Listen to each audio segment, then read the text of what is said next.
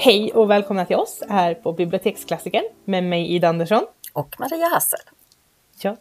Vad har vi läst den här gången Maria? Jo, nu har vi faktiskt läst Kuddboken av eh, Sei Shonagon. En japansk Mm. klassiker. Ja, Mm. riktigt från tidig japansk medeltid. Ja, Eller som- ska vi se att jag har rätt årtal, men skriven mellan, för att det är ju, den är ju skriven under lång tid eftersom den är en typ av dagbok. Och den är då skriven mellan, tror man, nu ska vi se här, ni- nio- 990-talet och tidigt tusental. Under Heian-perioden i Japan, eh, om det säger någon någonting. Eh, någon tror att boken blev färdig 1002. ja. Så det var länge sedan kan man säga. Ja, det var det. Det är nog den äldsta boken vi har läst till den här podden. Mm, Ja, tror det Ja. va? Mm. Ja, det är det. Ehm, ja, det är inte den äldsta boken på klassikerlistan, det tänkte jag länge att det var och sen kom jag på att men 17, vi har ju vi har ju Homeros på, Ja, på, på listan också. Så att eh, vi har någon som är lite äldre. Ja. Ehm, men eh, det är en av de äldre ändå, Mm. medeltid. Ehm, jag försökte, det skulle jag ha undersökt förstås, men jag tänkte vad, vad, som, vad de skrev i Europa under den här tiden. Vi har ju Njal saga på listan. Mm. Har vi. Och den är ju också typ då, den är ju skriven under vikingatiden, vilket ju är ungefär den här tiden. Ehm, och sen finns det väl, gud vad heter de? Jag vet inte om Tristan och Isolde är skriven, jag tror den är skriven under medeltiden, men kanske sen medeltid snarare än tidig medeltid. Kommer Inte- inte den har vi inte- Mm. Den har vi ju inte på listan, men sen finns det ju den här balladen om rosen, finns det väl någon. Ehm, ja, det finns lite olika, men de är inte, de är inte så långa, Nej, de historierna. Och det finns ju ingenting typ som det här. Kan nog inte... inte, vad man kommer på i alla fall. Nej, Så. inte inom den västerländska kanonen. För som sagt, det här är ju Japan. Um, vilket är någonting helt annat vid den här tiden. Och inte särskilt, det, världen var inte jätteglobal då. På Nej. det sättet som den är idag. Ehm, ja. eh, Vad ska vi säga om den här Maria? Nej, vad ska vi säga? Ja, vi kanske ska berätta varför den heter Kuddboken. Ja, det kan du. För det är ju ändå lite eh, intressant om man nu kan förmedla det på ett bra sätt här. Men, eh, ja, för den är ju då skriven av en hovdam. Mhm. Eh, Det var det Sei Shonagon. Som eh, hon fick en bunt fina, väldigt fina papper. Jag tror det var av kejsarinnan. Ja. Hon skrev ner ja, vad som hände, korta stycken och, och sånt, dagliga händelser på de här papperna och hon förvarar dem vid sin kudde. Mm. Och det är därför den heter Kuddboken då, eller man har rätten till det. Men det var ju inte någon, med någon tanke att någon annan skulle läsa dem. Nej. Det Men- var ju en... ehm, Det var en olyckshändelse att hovet fick tag på dem och läste upp dem. Hon var ju väldigt... Hon var ledsen över det. Ja, hon var ledsen Ja. över det. Och det kan jag förstå för att det är ju som man skriver i en dagbok. Det är inte tänkt att någon annan ska läsa den Nej. så då censurerar hon sig inte. Inte det minsta. Hon är väldigt vass bitvis och faktiskt riktigt elak ibland. Å andra sidan tycker jag det, det hon berättar från hovet tycker jag de verkar vara elaka mot varandra hela tiden. Det finns där ja. Mm. Ja, och alla andra också. Ehm, det är ju ett hovliv hon skildrar. Vilket är en väldigt snäv bubbla. Och en väldigt privilegierad bubbla ja. som hon lever i. Eh, och det är självklart, hon skildrar sin verklighet. Eh, men det, jag kan ty- tycka det känns ibland, alltså de, de, de har inte så mycket att göra verkar det som på hovet. Och då Nej. tror jag man, då blir de elaka för att då liksom, det är någonting att göra. Precis. Att och det är väldigt på, liksom. mycket estetiskt, liksom, mycket utsida, hur man ser ut. Hon beskriver liksom kläderna och det ska liksom färger och ja, väldigt mycket estetik liksom i det Ja, det hela. är det. Och det är klart det blir väl så. Man iakttar mycket och Mm. eh, ja, för det är ju egentligen betraktelser och funderingar. Det är det hon nedtecknar. Men sen samtidigt så, så det är vissa partier är ju lite längre. Det kan vara Mm. några sidor och en del är bara några ord. några Mm. meningar. Ibland är det långa listor över saker. Ja, Hon bara rabblar upp. De här listorna är ty- är tydligen ökända. De här listor av olika saker. Och jag förstår verkar det nästan som att listorna, de, när de har satt ihop kuddboken nu till, eller när man satt ihop dem till ett, en läsbar, man satt ihop dem, liksom, för det var ju lösa blad innan, Ja. man har satt ihop dem till ett verk. Så verkar det som att listorna egentligen var skilda, men de har valt att sätta in dem Mm. liksom lite här var. varvat ja. I. Ja, precis. Eh, och en del listor är bara jättekorta och en del listor är otroligt insiktsfulla. Mm. Alltså något som, eh, det fanns en lista som, jag kommer inte ihåg om det var saker som eh, som får en att rodna eller som, man, man, som är sorgliga eller någonting sånt här. När hon beskriver hur det är, de, en som i ett hus där man förväntar sig att, en, att de ska få en författning. Mm. Alltså att de, de ska bli någonting och alla runt omkring går och liksom eh, väntar på det och, och folk har liksom gratulerat nästan i förväg och så kommer dagen när de här författningarna delas ut och det kommer ingen budbärare. Mm. Och den här stämningen som lägger sig då. När folk säger, men hur gick det med det där? När man ska försöka svara på ett bra sätt att nej, det gick åt skogen. Ja.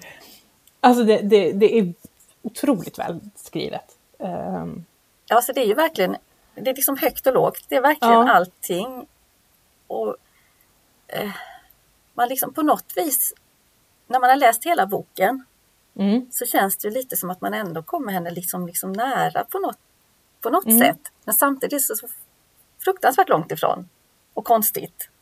Man häng, inte hänger med. Men det är liksom kluvet på något vis. Det är, en väldigt märklig bok att läsa. Och Ja, det, det är det ingenting man sträckläser, tycker inte jag. Eller jag gjorde inte det. nej. Utan man får ta det Eh. bit för bit. Jag tror det här man inte kommer en jättenära tror jag är lite med mening för att jag tror att det var stilen också, att du var inte känslomässig. Nej. Det var liksom inte, inte bra att vara det. Så att hon, eh, hon skriver liksom inte så mycket om sina egna känslor. Ehm, och då, ehm, då, då blir det ju liksom ett lager emellan när, som du inte får då som läsare. När du inte vet, men vad tycker du egentligen om det här? Så att, ehm, ja, nej, nej ehm, den, är, den är väldigt välskriven. Jag förstår varför den har blivit en klassiker. Det är framförallt i Japan där den gjort Ja. väldigt populär. Ehm, I Sverige däremot så har den inte översatts, den har inte översatts till svenska för 2012. Det är väldigt sent om man tänker på hur gammal den är. Precis, och jag eh, i vanliga fall inför eh, de här inspelningarna så går jag in på Alex författarlexikon Mm. och läser upp om författaren och ibland även om verket. Finns inte. Kuddboken och Seishonagon finns inte på Alex författarlexikon. Det var så här, men, men, hallå, men om den, det är ju ett svenskt lexikon och om hon inte översatts för 2012 eh, Ja, då kanske jag inte har fått något skrivet. Så jag fick gå till Wikipedia istället. Där fanns det lite till. Men... Mm. Ja, det, så det är liksom en liten... ehm, En liten gömd ehm, berättelse för, för svenska ögon. Har den Mm. varit länge. Om du inte har, den har ju funnits på engelska. De har, där översatte de den. Och det är väl så den har spridits liksom i västvärlden. Mm. Men i Japan är den väldigt populär. Eh, och tillhör liksom... Det är en av tre i den här stilen. Ehm, just det här med, med betraktelse, dagböcker verkar det som. Ehm, men det är den som är mest populär av dem. Ja, och det, valda delar läses ju än idag Mm. i, liksom i skolan och många kan ju liksom första raderna av boken liksom och känner igen i alla fall. Så att, eh, och det förstår man ju. För det, och det är mycket, mycket hänvisningar till andra diktverk Ja. i den här boken också.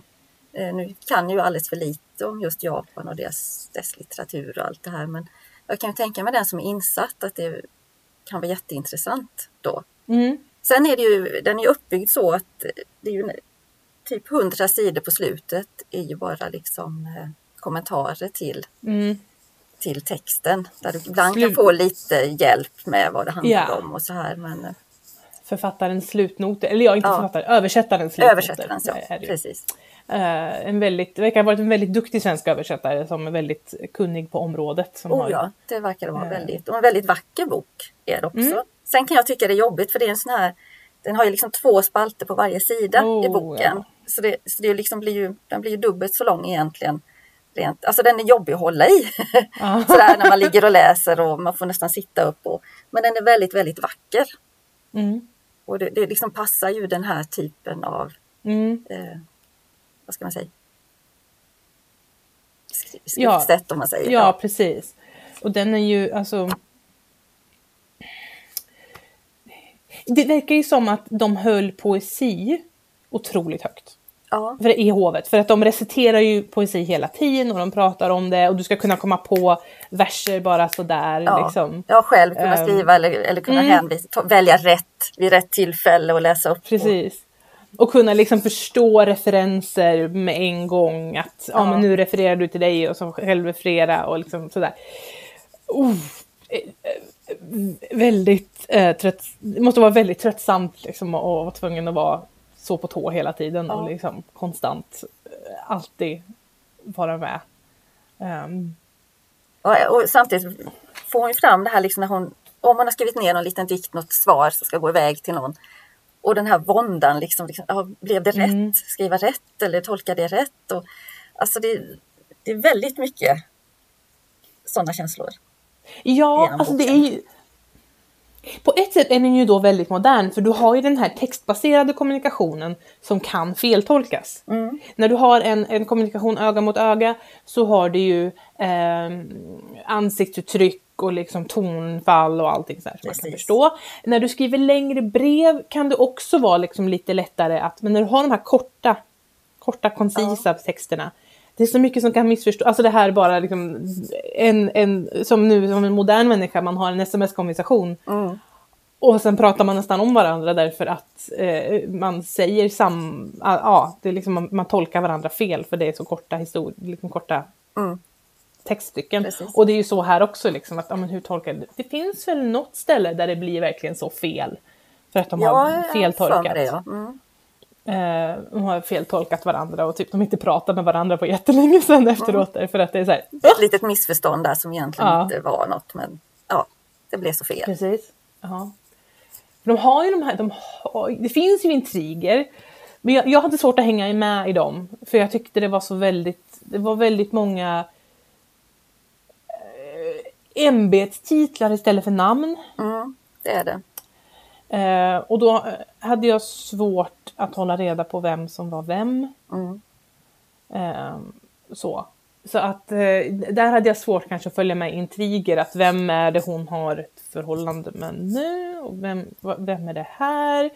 Eh, lite sådär. För de hade ju förhållanden med varandra. Egentligen skulle väl hovdamerna inte ha förhållanden med, med män. Men det hade de. Ja. Och sen lades det, det är också lite intressant, hon la, det lig- la så stor vikt vid det här brevet, morgonen efter brevet som då mannen skulle skicka till kvinnan. Ehm, att det var väldigt viktigt att det var ett välskrivet brev. Att det, oerhört vilket jag tycker är så här, det, det är ju det är ju trevligt ändå. Liksom. Ja. Måste smyga. För de var ju tvungna att smyga iväg innan gryningen. Liksom, och sen, Ja, det var mycket där att tänka på liksom. Ja. Och samtidigt, jag hade lite svårt, för det verkar ju som att de... För de hade de ju uppenbarligen de här relationerna och de var liksom inte, alla visste om det. Men samtidigt så, skulle, så gömde sig kvinnor bakom skärmar. Liksom de, hade, de skärmade av kvinnor och män. Mm. Eh, så, och, och de hade slöjor för ansiktet eller de skulle inte visa ansiktet för folk de inte kände och sådär. Mm. Så att vi har den här natur, eller, ja, den naturliga intimiteten där det, liksom, det är inte konstigt att det här sker, att folk har sexuella relationer med varandra samtidigt som eh, men jag får inte visa mig för främmande.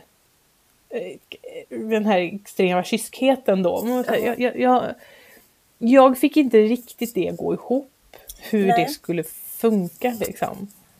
Men ehm, Så därför var det långt, alltså jag, jag kände, ibland visste jag liksom inte riktigt, ja är det verkligen, är det ett förhållande här eller är det, alltså det var svårt att veta. för det var så kryptiskt skrivet också. Mm. Men för dem var det säkert helt uppenbart. Alltså, Mm. man skrev på det viset och som du säger, man hade, det var mycket med skärmar hit och dit. Att eh, man öppnade lite och man såg lite och så hörde man röster. Och man... Men som läsare så var det svårt att ibland hänga med. Vad var det egentligen som hände?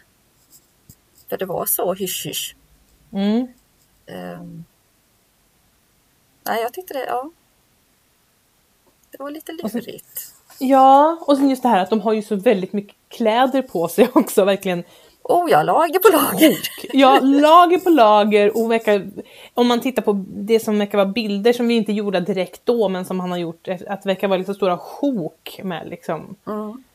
kläden. Liksom. Att det häng, ärmarna är liksom långa draperade som hänger ner och, och de har pratat om de har vida byxor och sådär. Så jag tror det är ganska mycket tyg i lager på lager Ja, på lager. ja.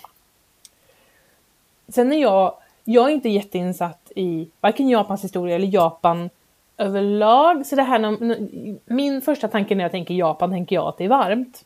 Mm, Jämt, vilket inte stämmer. Jag Nej. vet det här men det är liksom min första impuls. precis. För man, man, det är liksom något sån här. eh, Men det, det blir väldigt kallt där på vintern. Mm. Ehm, efter, efter. Och så- jag liksom är så här. När hon, hon, I och med att hon beskriver kläderna så väldigt mycket. Ja, så, är det så är det här jättevarmt eller är det här jättekallt? Eh, Liksom, eh, Det här sättet de klär sig. För de har ju både på vintern och på sommaren har de ju många lager. mm, Efter vad jag förstår. Och det de framför allt använder är ju siden. ja, Det verkar inte vara så väldigt mycket ull. Utan det är sidan som gäller. De har liksom inte får på det sättet. Ehm, Japan är inte en jättestor ö, tror jag inte. Ehm, och det är ganska bergig. Så ja, de kanske kan ha jätte, men jag tror inte de kan ha så mycket får. Om vi jämför då med till exempel oss i Nordeuropa. Som liksom, Vi har får, vi har ull, vi har päls när det är kallt. Det, det är liksom... ehm, men de har, inte- de har lager på lager med siden.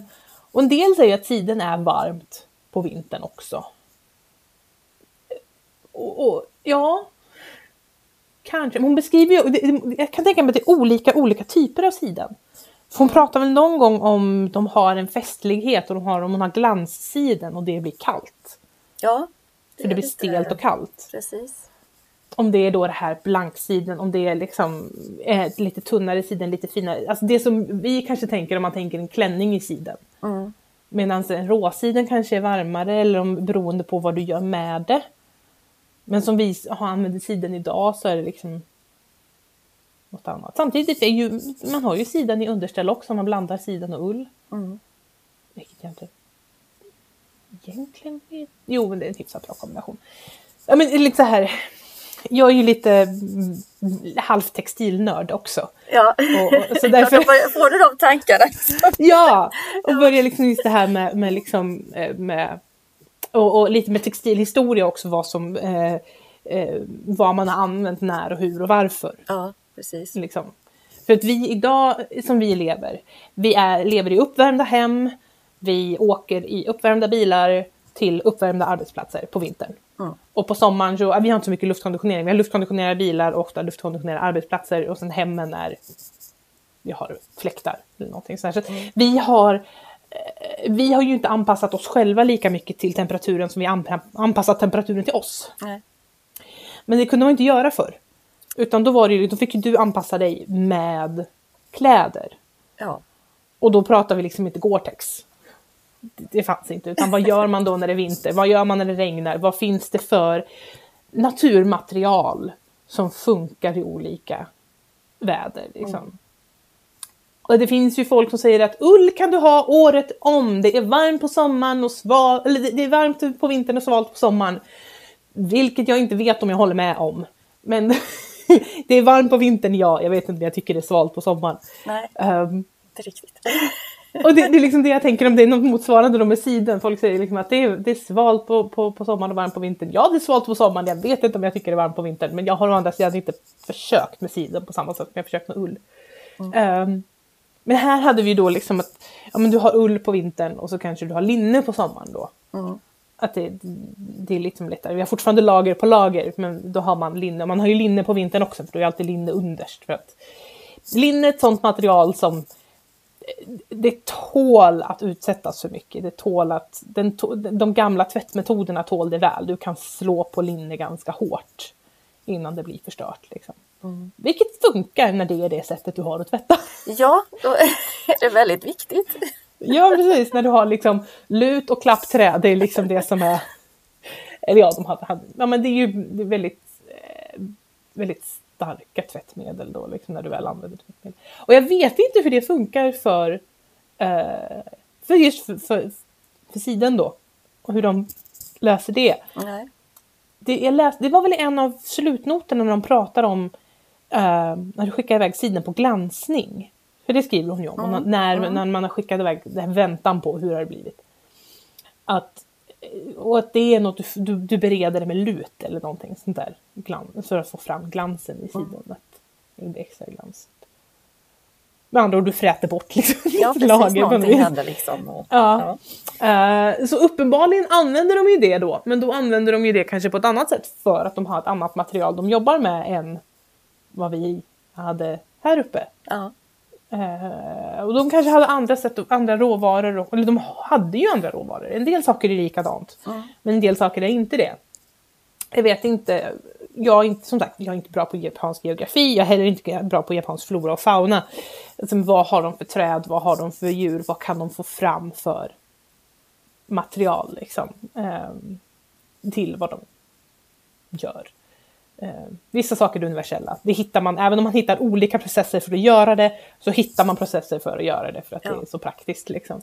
Eh, men ehm, Ja, nej, det är sånt här som min hjärna spinner iväg på när, när, man, när jag höll på. liksom, liksom. ja, när jag, satt, när jag läste den här och även det här försöka att inte se in, för mitt inre öga när de berättar saker, att liksom verkligen försöka med min, min, min, mitt lilla, lilla fönster av förståelse, vad jag har sett på bilder, hur ser det här ut? Mm. Att inte föreställa mig liksom ett europeiskt medeltida hov. Nej, Även om det liksom, finns ja. ja. Det finns likheter. Vi tänker något annat liksom. Ja. Um, det är ju lite intressant liksom, om man då ska jämföra med den europeiska medeltiden, vilket är den man kanske vet mest om som europé. Att det när bara till exempel de här ärmarna, mm.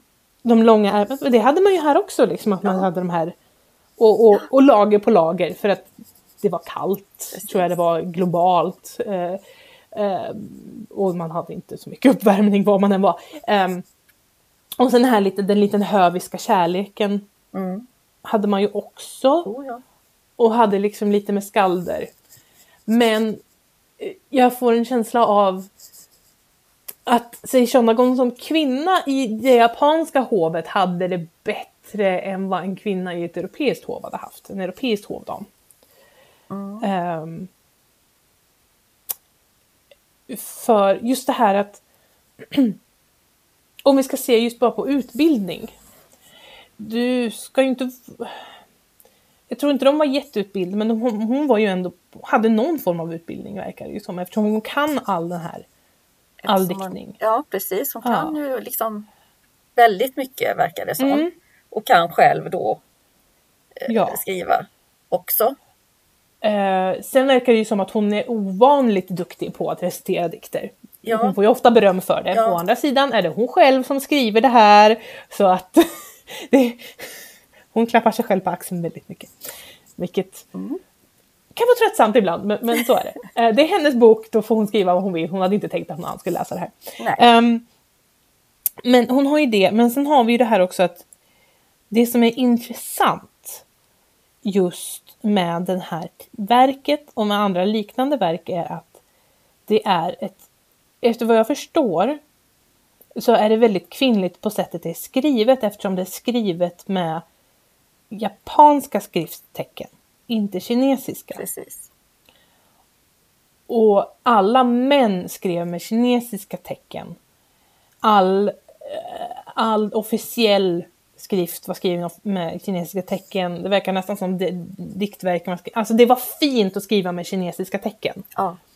Så det gjorde man eh, om du var utbildad. Men hovdamerna hade inte den utbildningen. Alla kunde inte. Det verkar, det verkar som, jag har läst någonstans att ja, men hon, Shonagon kunde nog skriva kinesiska tecken också.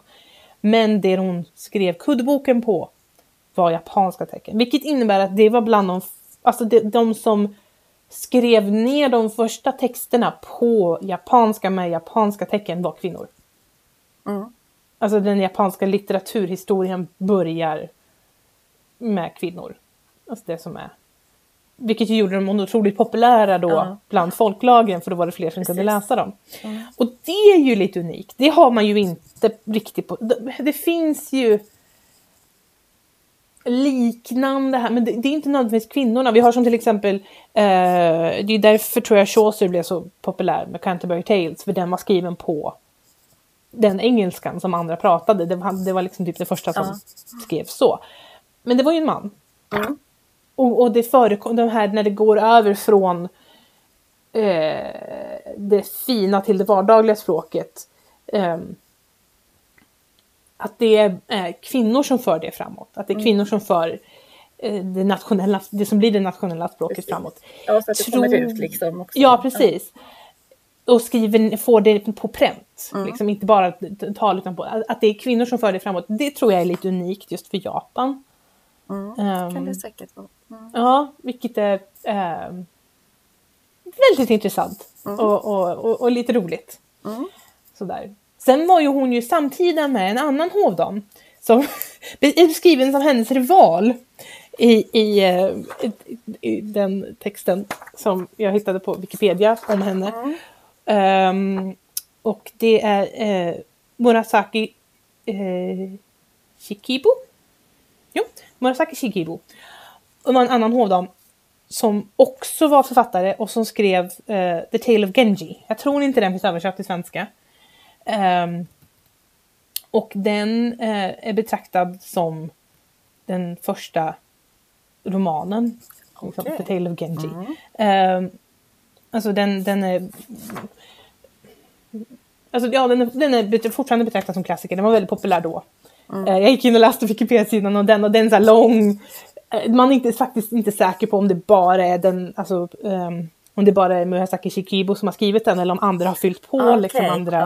Ja. eh, Ja, att det det är har så varit- gammalt så kan, ja, kan det Ja. hända väldigt mycket med texten. Och, Ja, men också redan då att det liksom var eh, en berättelse som hon berättade vid hovet och sen har andra liksom fyllt fyllt i liksom under tiden, alltså blivit någon form av nästan samarbete eller sådär. Att, och den slutar tydligen väldigt abrupt och då är frågan var det tänkt att hon skulle sluta så abrupt eller fattas det bitar som vi inte har kvar? Precis. Sådär. Ehm, så den är ju också, den, den tror jag som sagt, jag är inte säker på att den finns översatt till svenska. Men jag vet att jag har hört om just Tale of Genji förut just för att det är ja, men den första Ja. romanen var en japansk kvinnlig hovdam som skrev det som man kan liksom känna igen som att det här är en roman. Precis. Vilket också är så här, ja men förs fram av kvinnor. Så. Mm. Och det tar ett litet tag innan kvinnor har möjligheten till den ställningen i Europa. Det finns, alltså, det finns kvinnliga författare tidigare. Alltså man har ju, under antiken så har vi Sappho och sen under medeltiden kan man räkna liksom Heliga Birgitta och så finns det, vad heter hon, Hildegard av Bingen, tror jag, som också skriver. Men de är inte många och de är inte alltid lättlästa. Det här är ju ändå, även om som du säger, vi kan, man, det är svårt att sträckläsa den.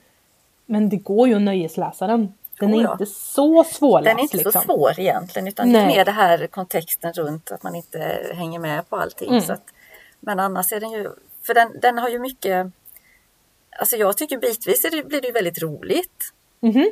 Alltså vissa utdrag och, och även listor och så här. Det blir så, en del blir bara jättekonstigt och en del blir man ju upprörd av. Och ibland tycker man som du sa att hon är väldigt elak.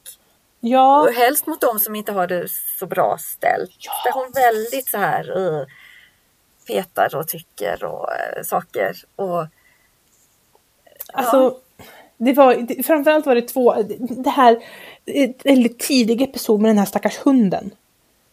Det är en hund som typ har skällt på någon katt som, Ja, som kejsaren tycker om. ja, Eller någon, om det är någon vid hovet som tycker om. Så de liksom beordrar att hunden ska liksom pryglas. Och de vakterna slår halvt ihjäl hunden. De tror att de, de har slagit ihjäl hunden. Ja. Mm. Och sen kommer den tillbaka och de liksom till slut kommer fram. alldeles förstörd. Och jag liksom, när jag läser det här, hon tycker liksom bara att det är en liten trevlig episod. Och jag sitter såhär, men det är gud vad gör ni? Ja, det, det, det, det är verkligen så här. Och jag är inte nödvändigtvis den som är jätte, liksom, som inte står ut när, när djur mår dåligt. Alltså, jag, jag, jag blir inte triggad av det eh, nödvändigtvis, men det var verkligen så här, men, men människa, alltså vad gör ni? Det här ja är inte det, rätt det var vidrigt. Alltså jag har nästan Ja. förträngt det för det var, jag tyckte det var jobbigt. Ja. En sån eh, episod. Det, och det är ju liksom, ja men det var ju tiden, så är det ju liksom. Men ja, sättet, man hade väl en annan ja, Mhm, syn liksom. Ja. Och det har man ju haft länge liksom. Men samtidigt Ja. det finns ju alltid människor som inte tycker om sånt. Och hon var uppenbarligen inte en av dem som tyckte att det här var fel. Ehm, men så är det. det. Och sen var det en annan episod med den här snöhögen. Ja, just det. Mm, De bygger en snöhög. mm, Eh, eller de får hovherrarna att bygga en snöhög. Eller om det är tjänarna som får bygga en snöhög. Och sen slår de vad hur länge den där snöhögen ska ligga kvar. ja. Och sen så, och, och um, Shona, säger Shonagon har då en, hon, slår, hon säger en tid. Och jag tror hon sätter den senast. Ja. Det är hon som sätter den sista tiden. Och sen kommer det ett nytt snöfall, bara då kejsarinnan säger att nej, vi ska bara ha det som var när vi slog vad, så ta bort den snön. Okej, så de tar bort den snön som har fallit. Och sen den ligger kvar, det ser jättebra ut och Seishonagon är inte där precis där slöhögen är, Nej. tror jag. Hon är en liten bit bort. Så hon säger till en vaktmästare eller någonting att vakta den här snöhögen med allt du har, då får du det här och det här och det här av mig. Om den är kvar när tiden har gått ut. Uh, vakta den så att inte barnen åker kylke på den och inte hoppar på den och allting sådär. Och han gör det och sen kommer han, och sen liksom kvällen före hennes datum som hon har sagt så är den kvar, det är jättefint, hon är så glad. Och sen nästa morgon är den borta. Mm. Och de förstår inte liksom, ah, att den har smält, ja men så händer väl. Och hon är besviken och, och vaktmästaren är jättebesviken. Mm. För att det är ju nog ganska mycket han skulle få för det och det skulle göra en ganska stor skillnad. Ja, ja, hon är ledsen och så kommer hon till hovet och det visar sig att ja, men kejsarinnan har ju forslat bort den. Mm. För hon tyckte det skulle vara lite roligt och hon ville inte förlora. Och liksom, ja men nu när jag har fått meddela det så, ja då, har jag, då, då vann ju du i alla fall. Liksom, för den skulle nog lägga kvar. Och, och Shonagon är jättebesviken. Och det är därför hon berättar att hon ser hur besviken Shonagon är. Men det är så här, bara att göra en sån sak. Det är liksom så här, det är så... Så nedrigt. Ja. Det, det, det är liksom en så liten, det, det är en så liten grymhet. Mm, Bara. Och det var då jag kände liksom, ni lever i ett väldigt isolerad liten bubbla. Ni har ingenting annat att göra än att vara elaka mot varandra. Liksom. Nej. Det är intriger, hovintriger är det ni har att sysselsätta er med. Vilket ju är sorgligt på sitt sätt. Ja. Visst är det. Ja, men liksom det här, åh god. Det är verkligen som, alltså, det är som, en, det är som, det är som högstadiet. Ja men det blir ju Fast blir det en sån liten värld. Ja precis. En Ja. liten bubbla där som, eh, ja.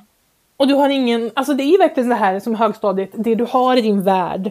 Eh, och du har inte den större världen, ja, du kan tycka saker om den större världen men du kan inte känna att, du känner kanske att du inte kan påverka för du, då är du för ung. Om- När du går i högstadiet här. Nu för tiden så är ungdomar har ju mycket, de har tagit sig agens på ett annat sätt än vad, vad vi lyckades göra i min ålder. när jag gick i högstadiet. Men du, liksom, du har den här lilla världen och sen är det också då, ja, när du lever instängt så blir du lite ja. Och du har ditt liv du ska göra. Och det är tillräckligt stressigt ändå, men sen är det saker som händer och det är liksom, ja men de här intrigerna. Men de har ju det även som vuxna. För de har den här lilla världen, de kan liksom inte påverka så mycket utanför. Utan de lever där i hovet och då är det bara det de kan göra och då gör de det och då blir det liksom en så här en liten ormgrop nästan. Ja. Ehm, så det finns där hela tiden pika. Och då är det också, det, det som gör det ännu mer sorgligt när, kan jag tycka, när kejsarinnan gör det här är att Shonagon tycker så otroligt mycket om kejsarinnan. Ja. Alltså hon håller henne så högt. Mm. Det, det är Ja, liksom det är nästan hela hennes glädje. liksom. Mm. Och sen att, för hon, vad jag förstår så hade inte hon en så hög position, Shonagon i hovet. Liksom. Ehm, och att då kejsarinnan kan göra någonting sånt. Liksom hon är den... Ja. naturligtvis har hon rätt att göra det och ingen har säga det för att hon är kejsarinnan. Ja, Eller Det är ja, väl så. Mm. en av kejsarinnorna. Han hade, han, kejsaren hade väl fler fruar, ehm, efter vad jag förstår. Och hon var inte den första frun, utan hon var fru nummer två, alltså i rangordning. Ehm, ehm. Men det är också det att eh, det förstår man inte när man läser kuddboken. Men det läste jag om, om det. Mot slutet av kuddboken så ska ju kejsarinnan lämna hovet. mm. Och det är egentligen inte riktigt beskrivet varför hon ska lämna hovet. Hon ska bara flytta till ett annat ställe. Och det är för att hon ska föda barn. Och barnfödsel sågs som någonting smutsigt. fult. Så då kunde hon inte vara kvar vid hovet utan de fick hon flytta någon annat ställe. Det som hände sen var att kejsarinnan dog i barnsäng. ja, för jag såg att hon dog ju väldigt ung. Så jag tänkte, Ja. Hon dog, barn... Ja. Mm. ja, hon dog i barnsäng och det är tro... troligtvis är det väl då det här där hon beskriver när hon flyttas från hovet. För Ja. sen tar ju kuddboken i stort sett slut. Ja, För att det hovet som Shonagon tillhörde upplöses ju. ja, Nej. så. Den hon har hov för Mm. har gått bort. Men det skriver hon ju ingenting om. Och det måste ju ha påverkat henne om något otroligt. Delvis är det väl att, ja, men, för just det här att det var, du skulle inte skriva om känslor. Det var någonting Det blev ju för eh, Ja. nära. Och, ja. Och, och då kan jag tänka mig att det här var någonting så stort. Delvis att den hon höll så högt har gått bort. Mm. Jag vet inte om hon var där, jag, vet, jag, jag tycker det är lite oklart om de följer med henne eller inte. Nej, jag, jag Ja. hängde aldrig med Nej, vad som hände egentligen. Så jag vet, och det kanske, hon kanske bara hade sina närmsta hovdamer med sig. Eh, och det tillhör inte Shonakon. Um, men sen också att ja, den hon höll så högt har gått bort. Om hon var där eller inte, men hon är i alla fall borta. Och det är ju fruktansvärt. Men sen också går ju hela hennes liv upp i smulor för att det, det liv hon har finns inte längre. Nu måste hon hitta något annat att göra. Liksom. Och efter vad jag förstår så är det lite oklart vad som hände med henne. Allting är oklart, vi vet inte när hon föds. De tror att hon dog 10.25. Man tror, ja 10 10.17 eller 10, någonstans mellan 10.17 och 10.25. Mm. Vilket är, uh, eller 1017 till 1025. Um, det, det, det är ett litet spann, man vet inte var hon dog. Eh, Det finns, eh, jag förstår finns det två olika, antingen så gifte hon sig en tredje gång, för hon hade varit gift två gånger tidigare, eller gifte hon sig en tredje gång och fick barn med den mannen och levde så. Eller så blev hon en buddhistisk nunna och dog i ett nunnekloster. Okej. De vet inte. Nej. Jag vet inte.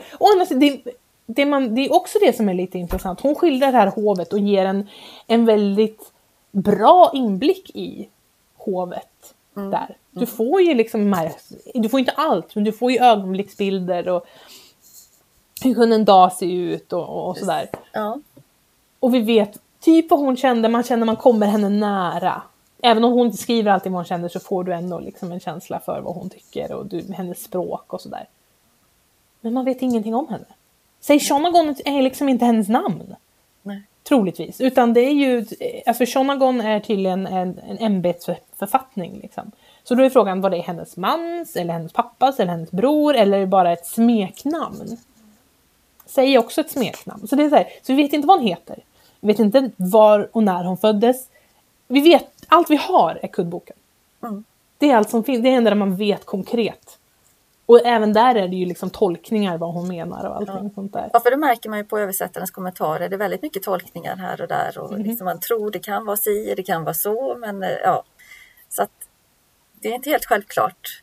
Ens för de som är insatta och liksom ändå har kunskapen. Utan eh, det, det finns stora hål. Det gör det. Ja, det- och alltså, det är ju så fascinerande på något vis att vi har den här privata inblicken. Det är en inblick i hennes privatliv på ett sätt, även om hon... Mm. Ja, som hon skrev där, liksom ett litet citat. Allt jag sett och känt, Ja, skriver hon själv. vi har det. Vi har liksom en, ett, en, ett ögonblick av hennes liv. Och allting annat är höljt i dun- dunkel. Mm.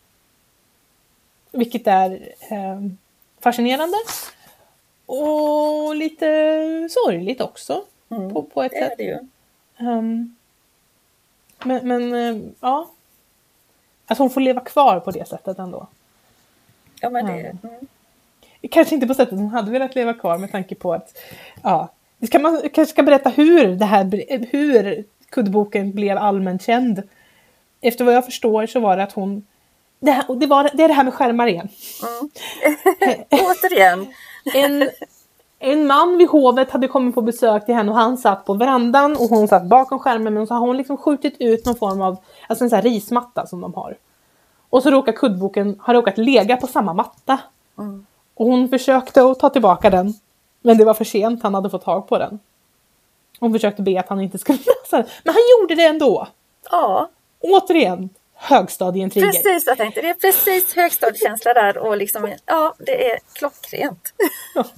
det är så. Han gör det ändå, han bryr sig inte om Ja. vad hon säger eller känner. Nej, han har fått tag på hennes dagbok, den ska han läsa upp för alla. Haha.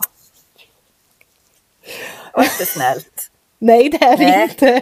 Det jag säger, de är jätteelaka mot varandra. Fy sjutton, jag hade aldrig velat leva vid hovet. Även om det kanske livet var lite lättare där, men fy sjutton.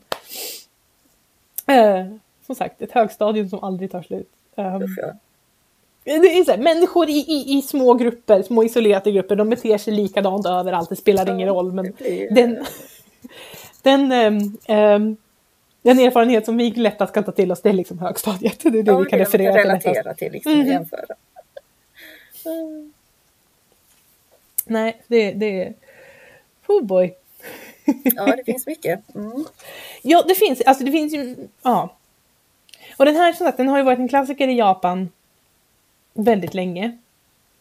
Ehm, och jag funderar på, vi, vi har pratat om klassiker förut. Det, det hör ju till liksom, det är ju det vi, vi gör Ja, här. det är det vi håller på Men- med just här. Precis, men vad som gör en klassiker också, för det här verkar ju som att i och med att den är skriv, skriven på det sättet den är skriven med den skriftstilen den är skriven, så blev den en klassiker bland gemene man också. Inte Jo. bara bland liksom högre stånd och litteraturvetare och kunniga. Och sådär. För det, det finns ju olika typer av klassiker. Det finns ju de här klassikerna som alla har koll på och kanske har läst och de är inte så svåra att läsa. Och så finns det de här klassikerna som de är rätt tuffa att ta sig igenom. Mm. De är ändå ganska... eh, det, det krävs, och, och ibland kan det vara att de är svåra att ta sig igenom därför att det är mycket referenser till annat och ibland är de bara tungt skrivna och ibland är det att de är gamla. Mm. För att ju äldre en text är desto svårare kan den vara att läsa för en modern läsare. För att stilar förändras, man kan inte lika mycket och, och, och sånt där liksom. Och, alltså det är svårt att läsa Homeros idag. Och läsa på hexameter. Det, den är, det, då, är- då är Shakespeare lite lättare att läsa. Hans sonetter som ju är på, vad, heter det på svenska? Jambisk pentameter. Det, det är lite lättare. Även om båda är versmått som är till för att det ska vara lätt att lära sig och, eh, och liksom kunna Ja, just recitera. recitera liksom. så, Ja, precis. Men, men då, då, plus att det, är- de är, det det är inte bara versmåtten de är skrivna på, det är även det att eh, hur, hur, hur man berättar en historia, liksom vad, vad som är, eh, varför man säger vissa saker. Att det, det är saker som, som alla förstod då, referenser som alla förstod då, men man inte förstår idag. Och som då gör det lätt att komma ihåg någonting. Ja, det... Eh, så ju äldre en text är desto svårare kan den ju vara att läsa för en modern människa. Ja, det blir ju Ehm, ofta så. och plus att det är hur den är skriven också, hur man har utvecklats sedan dess. Den här som sagt, hon skrev den för sig själv. Vilket gör, ger ju ett mer vardagligt språk, då blir det inte högtravande. Ehm, och hon skrev det då på det språket hon talade. Mm. Inte ett annat språk, inte ett annat... Alltså, och, det, jag, jag, jag kan inte, jag, jag kan varken japanska eller kinesiska, men efter vad jag, vad jag kunde tolka ut, det här kan vara helt fel, men verkar det som att kinesiskan har ju tecken som är... Alltså de betyder ju saker liksom, och så sätter du ihop dem på olika sätt så betyder de olika saker. Medan japanskan är mer stavelser och så sätter du ihop så det är liksom mer hur det låter. Liksom, så, de olika stavelserna så blir det, vilket ju, ja, är kanske mer vad vi känner igen med vårat alfabet, liksom, Ja. våran skrivstil. Så därför är det lättare att skriva, när du skriver dem med stavelser får du ut precis vad du har tänkt. Du behöver inte, ja men det här är kanske så. Eh, vilket kanske gör det lättare att läsa, lättare att skriva och mer ehm, mer omedelbart. Mm. Så. Ehm, det finns klass... Alltså som den första boken vi läste i podd, poddserien var ju Stolthet och fördom. Mm. Och den har ganska många läst. Och har de inte läst den så har de sett filmatisering. Och det kommer nya filmatiseringar hela tiden för att den är lätt att filmatisera. Den är, den är lätt att läsa också. En del klagar på att det är mycket namn men inte så mycket som annat och det är ändå liksom det, det finns en, en lätt historia att följa, den liknar historier som skrivs idag, det är inte så långt steg. Så det är en sån klassiker som kanske är inom citationstecken folklig då. Mm. Um, medans jag funderar på, har vi läst någon annan som är, jag tror, inte- jag tror än så länge har vi inte kommit till de här riktigt svåra klassikerna. Um, Nej, det har vi väl inte. Ja, vi har undvikit dem än så länge tror varför jag. gör vi det? Får vi alla klump här sen? Mm, kanske, kanske. Och, Kanske. Sen är det olika vad man ser det som, alltså vad som kan vara svårt och högt. Alltså det är som, vilken, vi, vi la ju till en Kafka förra året på listan. Vilken Kafka la vi till? Var det förvandlingen? Eh, förvandlingen. Ja, det är ju ändå en, lätt, en lättare Kafka. Mm. Jag tänkte att det är bättre med förvandlingen än processen. Jag har bara läst de Ja. två så jag har inget Mm. annat att jämföra med. Men, Jag har inte läst processen, men jag vet vad processen är för någonting. Jag, hade, jag tror vi hade, var det en av våra kollegor som gick och såg en teateruppsättning av processen. Och hon var helt... Hon hade inte läst den förut, visste inte vad Nej. det var och hon förstod ingenting, vilket jag förstår. då För blir det det, nog lite- väldigt konstigt. Ja. Ja, för det är, nog, det är lite det som är tanken med processen. Ingen förstår vad som händer i processen, inte ens huvudpersonen i processen Nej, nej, nej. förstår vad som händer i processen, det är det som är grejen. Um, men, en- en- anywho, eh, men den är ju lite, kanske lite så, då valde vi ändå, vi har ju, våra klassikerlistor som vi har satt ihop är ju inte en litterär kanon på det sättet som en litteraturvetare på universitetet skulle satt ihop. Nej, För vi har ju, vi, vi har ju satt, försökt sätta ihop en klassikerlista som täcker de här klassikerna som man pratar om. Mm. Och även kommer in lite nya, lite andra, lite, precis. Lite utmanande. Men samtidigt ska den vara läsbar för våra låntagare. Mm. Vi är ändå bibliotekarier, vi vill att man ska läsa och då får man försöka hitta ingångar. Sen om någon vill läsa... Om de Ofta är läser, det så. Ja, man vågar prova med någon och så kanske den, Ja. men den funkar ju bra. Då kanske man går vidare till nästa och testar. Precis. Och, ja, som du säger, en ingång. Ja precis, om man läser förvandlingen av Kafka som är inte så svår och sen blir man intresserad och sen läser man processen och drömslottet som är lite svårare. Men om, han hade, om vi hade kastat in dem på processen först, nej! Då hade det varit kört. Mm. Ehm, jag tror det var lite så vi... Ja, du försökte väl tänka lite så. vi har försökt att balansera det här när vi har satt ihop denna lista. Ehm, nu är det ju många år sedan vi satte ihop den första listan. Oh ja, det det. Det tog lång tid innan vi ens kom igång med... Det har varit en lång process från det att vi började sätta ihop listan till Ja. där vi är idag. Men även när vi tar ju in... Är det två nya vi har vi satt det? Eller vi försöker Ja, sätta in två nya Två varje nya år? är det varje år. Hittills har vi. Ja. Ja. ja, men det, det, det är, Det är lite lagom, bra. tror jag. Ja. Och de vi sätter in där försöker vi ju att det ska vara... Eh, ja, det, det, det, ska, det ska följa samma sak, det ska inte vara för svårt. Första året satte vi, vad var det, det var förvandlingen, satte, ni Les Mis- satte vi in Les Misérables då Ja, också? precis. Och nu i år har vi satt, ihop, satt in Nord och Syd av Elizabeth Gaskell och vad var den andra? Eh, Hemingway, Den gamla och Hem, havet. ja, just det. Den gamla havet. Ehm, ja, så och alla de faller ju inom... Visserligen det som kan vara med Les Misérables är ju tjockleken på den kanske, men den är inte nödvändigtvis svårläst för det. Ehm, och det finns ju otal filmatiseringar och en musikal om man vill göra det. Precis, så det, det är också en ingång liksom. Och, Ja, ja. precis. Så det försöker vi. Den här är kanske den, just för att återkomma till dagens bok, Kuddboken är ju en som kanske folk inte har hört talas om. Nej, det kan ju Jag- vara en sån som... eh, ja. Jag hade in, jo, jag kanske hade hört talas om den, men jag Mm. hade, visste inte mycket. Nej. Jag tror att ehm, när den kom på svenska, översättningen där 2012, då jobbade jag faktiskt på, på biblioteket.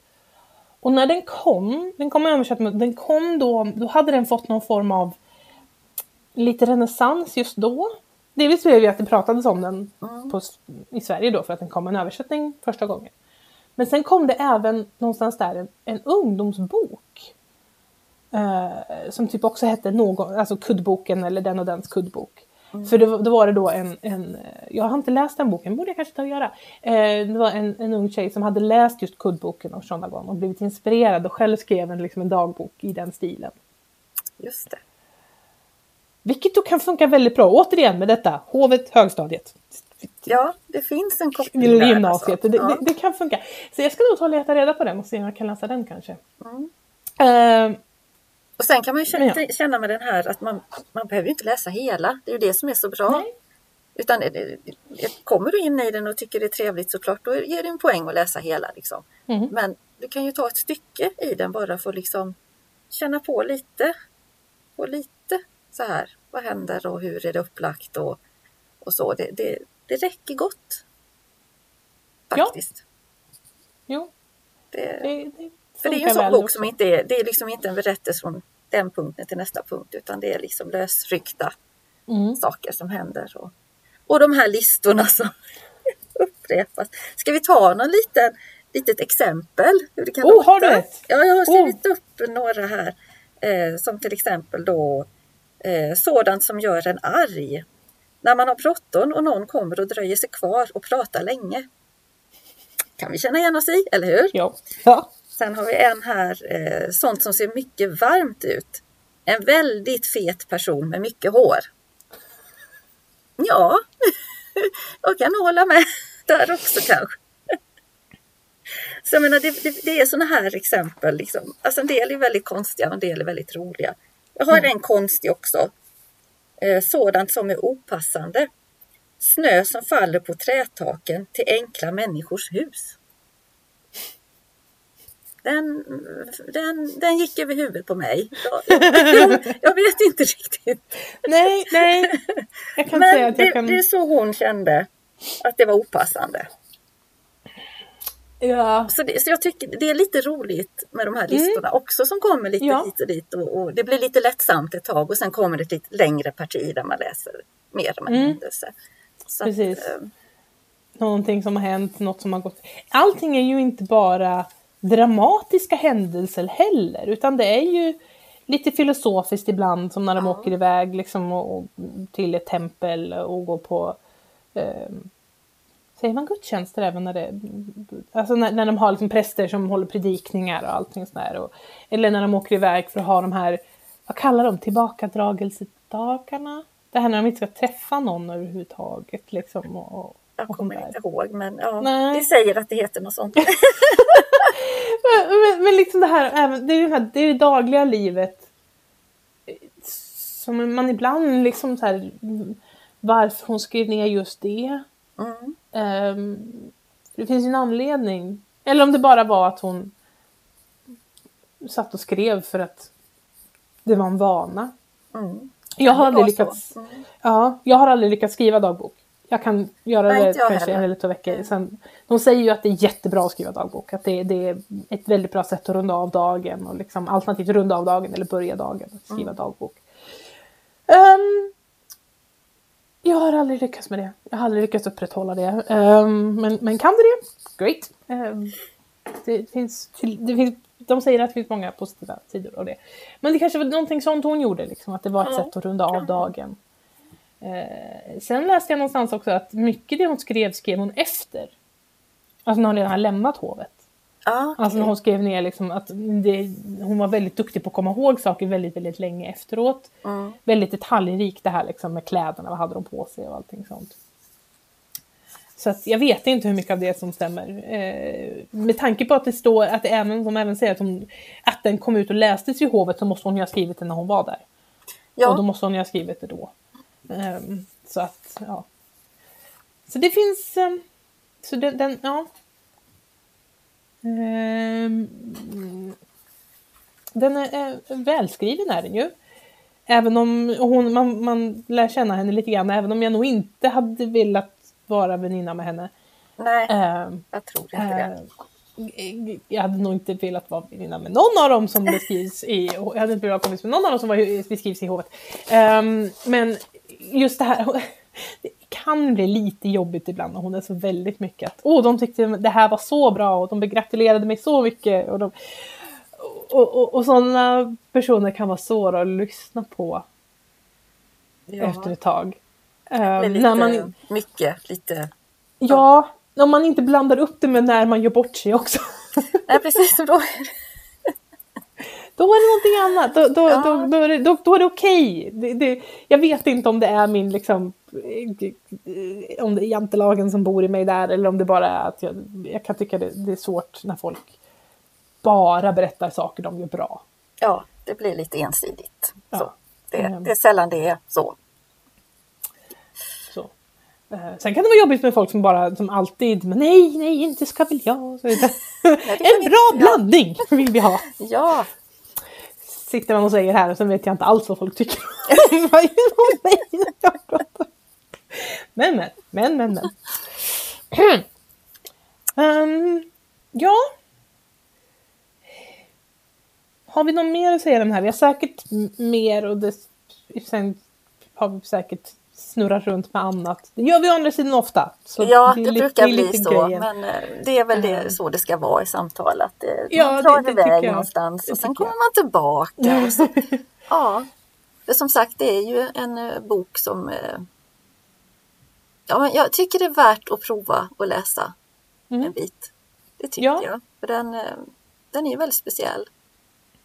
Och man, eh, det är lite kul också det här att det är liksom en värld som är så borta från sitt eget, både historiskt och då liksom geografiskt och Mm. allt. Så att eh, testa. Ja, definitivt. Um, testa den. Och som sagt, man behöver inte läsa hela. Man kan ju bara läsa stycken. Det, det Ja. funkar. Det funkar. Um, därför att det, det, är, det finns ingen handling i den. Så det är Nej. ingenting som du missar eller som spoilar. Så att, um, mm. Ja, nej, men eh, det, det kan jag också säga. Testa. Eh, det kan vara bra att gå in med den också med det här att jag vet ingenting. Mm, Alltså det är liksom att ha, to- vara totalt öppen. precis. Att inte förutsätta att det ska vara så här och så här utan liksom, jag har ingen aning. Det här blir nog bra. Så. Ja.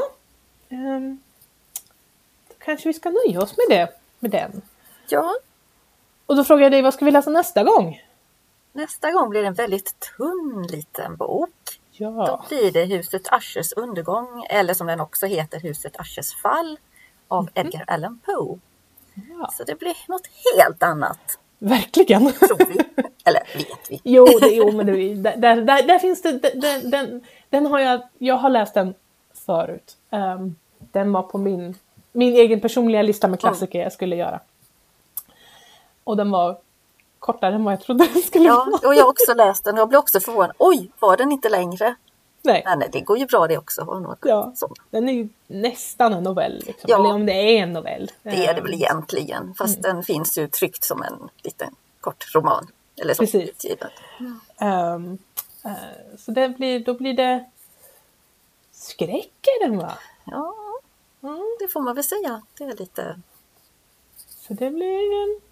Och den är lite, lite, lite nyare än den här. Ja, det är den ju också. Så att Så det, att det, blir nog, det, det blir till nästa gång. det blir det. Ja. Så tills dess får ni ha det så bra, så hörs vi då. Hej då! Hej då!